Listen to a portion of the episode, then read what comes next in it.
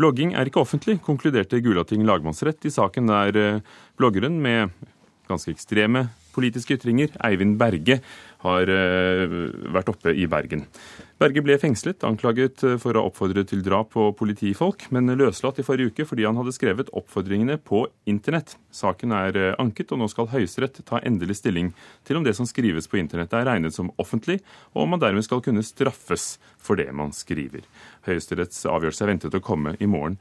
Bente Kalsnes, blogger og konsulent for digitale medier. Hva synes du om at ytringer på en blogg av Gulating lagmannsrett ikke anses for å være offentlige i denne forstand?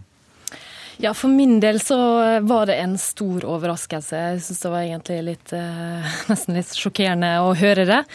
Eh, fordi i mange tilfeller så kan en eh, blogg veldig enkelt deles, og du kan lenke til den. Og i mange tilfeller kan den være lettere tilgjengelig enn et innlegg i lokalavis eller et innslag på radioen. Så at det ikke blir oppfatta som så offentlig, det strider mot min forståelse av, av en slik publikasjon. Men hvorfor vil du, som selv er blogger og skrevet om dette i en kronikk i Dagbladet i dag, at det som skrives i slike fora skal, skal regnes for offentlig og dermed kunne rammes av straffeloven? Ja, altså For alle som er opptatt av nettdebatt, så er det viktig at en har noenlunde klare regler rundt her. Og den eh, kjennelsen som Gulating lagmannsrett har eh, kommet fram til, Eh, gjør at det her framstår som eh, litt mer uklart. Og jeg syns også det er viktig å se på at eh, tingretten, da, som hadde behandla den saka før Gulating lagmannsrett, kom fram til det motsatte standpunktet. At det her var en, en offentlig blogg, og den var gjort offentlig tilgjengelig. Så at det, her er lovfortolkning, og lovfortolkning eh, den, den loven vi har i dag, enten så er ikke den god nok, eller så mener jeg at en bør tolke det på andre måter. For når det gjelder det med loven og tolkningen, Olav Torven, partner i advokatfirmaet Bing Hodneland og ekspert på nettopp nettjus. Hvorfor regner ikke lagmannsretten internett som en offentlig arena? Det er fordi vi har en foreldet lovbestemmelse som definerer hva som er offentlig. Jeg er helt enig med Bente Kalsnes i at uh, dette burde vært offentlig. Det er meningsløst at ikke det er det. Uh, men vi har et prinsipp om at hvis man skal kunne straffes for noe, så skal det være en lovbestemmelse som sier at det du har gjort er straffbart. Altså et strengt legalitetsprinsipp. Og slik uh, det å være offentlig, at noe er fremsatt offentlig, er definert definert i dagens straffelov, så skal det da enten være fremsatt overfor offentlig forsamling eller i trygt skrift. Men denne loven er jo fra begynnelsen av 1900-tallet. Ville det ikke vært rimelig at retten la inn større tolkningsmann? Det kunne man nok kanskje ha gjort. Eh, men det er slik at det å si tolke straffebud slik at de virker utvidende, det er man i hvert fall motvillig til eh, i forhold til å gjøre. Bestemmelsen er jo endret, den er bare ikke satt i kraft. sånn at uh, i det øyeblikk man setter i kraft uh, den straffeloven som ble vedtatt i 2005, så vil man få en annen formulering som er medienøytral. Og etter den bestemmelsen så er det ingen tvil om at dette vil være offentlig. Så, så problemet her er en foreldet lovbestemmelse, og for så vidt en tolkning av den som Gulating lagmannsrett har foretatt, som er eh, for så vidt juridisk sett Nei, det er en ganske god begrunnelse som lagmannsretten har, men det kommer til et resultat som er meningsløst i realiteten fordi bestemmelsen er så foreldet. Tingretten kom til det motsatte. Nå skal Høyesterett Eh, kanskje i morgen si hva de kommer til. Det må jo bety at det går an å begrunne det annerledes? Jo da, man kunne nok ha tøyd og strukket litt mer på dette enn hva, eh, enn hva, eh, lagmannsretten har gjort. Så det hadde nok vært mulig å komme til et annet resultat også eh, i det. Men på en måte så er juridisk sett tryggere det som lagmannsretten har gjort. Og det er vel litt sånn tilbake til lovgiver. altså at De har vedtatt en endring som ville fange opp dette, og den har de ikke satt i kraft. Og, det, og det er vel opp til lovgiver å fange opp dette. Og det er mye som ikke er offentlig etter den bestemmelsen. her. Det vi sitter her og sier, er sannsynligvis heller ikke offentlig, hvis vi holder oss til straffelovens definisjon av hva som er eh, offentlig. Så vi kunne kanskje her ha sagt mye som eh, Eller iallfall noe som kunne vært rammet hvis det hadde vært fremsatt uh, offentlig. Og vi kunne kommet unna med å si at ja, men dette er ikke offentlig, for det faller utenfor definisjonen av hva som er offentlig i straffelovens paragraf 7, slik den nå lyder. Radio og TV også, faller også utenfor denne, antageligvis. Bente Kalsnes, Hvorfor mener du at det haster med å få regulert eh, dette annerledes, og kanskje i tråd da, med, med den straffeloven som er vedtatt, men ikke innført? Ja, altså, Internett har vi hatt i en del år allerede, så det er ganske merkelig at eh, en ikke har fått en mer eh, teknologinøytral lovbestemmelse på det. Men når vi da ser en del av de konsekvensene det får, da, Eh, altså det at en har vedtatt en straffelov fra 2005, og sju år etter så har ikke det trådt i kraft.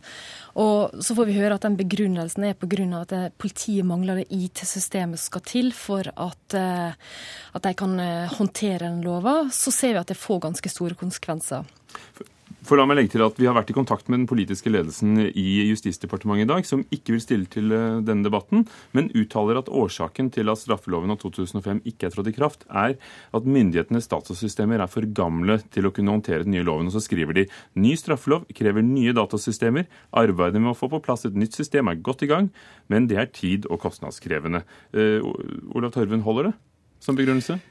Jeg syns jo det er merkelig. Det er syv år siden den ble vedtatt, eh, så god planlegging er det jo ikke. Men eh, da kunne man jo kanskje sett på at man kunne ha satt i, satt i kraft noe av det, da, som ikke krever store systemendringer. Altså dette her at man hadde satt i kraft uh, dette, f.eks., og latt altså bestemmelsen få praksis samme virkeområde som den såkalte rasismebestemmelsen. For hadde dette vært ytringer som var anklaget for å være rasistiske? Ja, Den, er, den, den har en annen definisjon. slik at da, Den ville vært rammet. fordi at Der sier det offentlig eller slik at den kan nå et større antall personer. og Men, Det er det ikke tvil om at et blogginnlegg kan gjøre.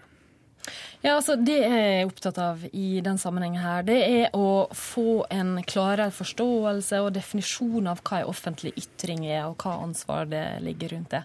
Og Slik som situasjonen er i dag, og særlig etter det Gulating lagmannsrett eh, har kommet fram til, så syns jeg at det har blitt ganske diffust. Men er det et stort problem? Altså Her er det ett tilfelle med en eh, såkalt ekstremblogger. Han er blitt kalt antifeministisk blogger. Men, men, men det som er anklaget for her, er jo oppfordring til, til til drap på politibetjenter. Men er det utover dette tilfellet et problem? Altså, jeg synes at...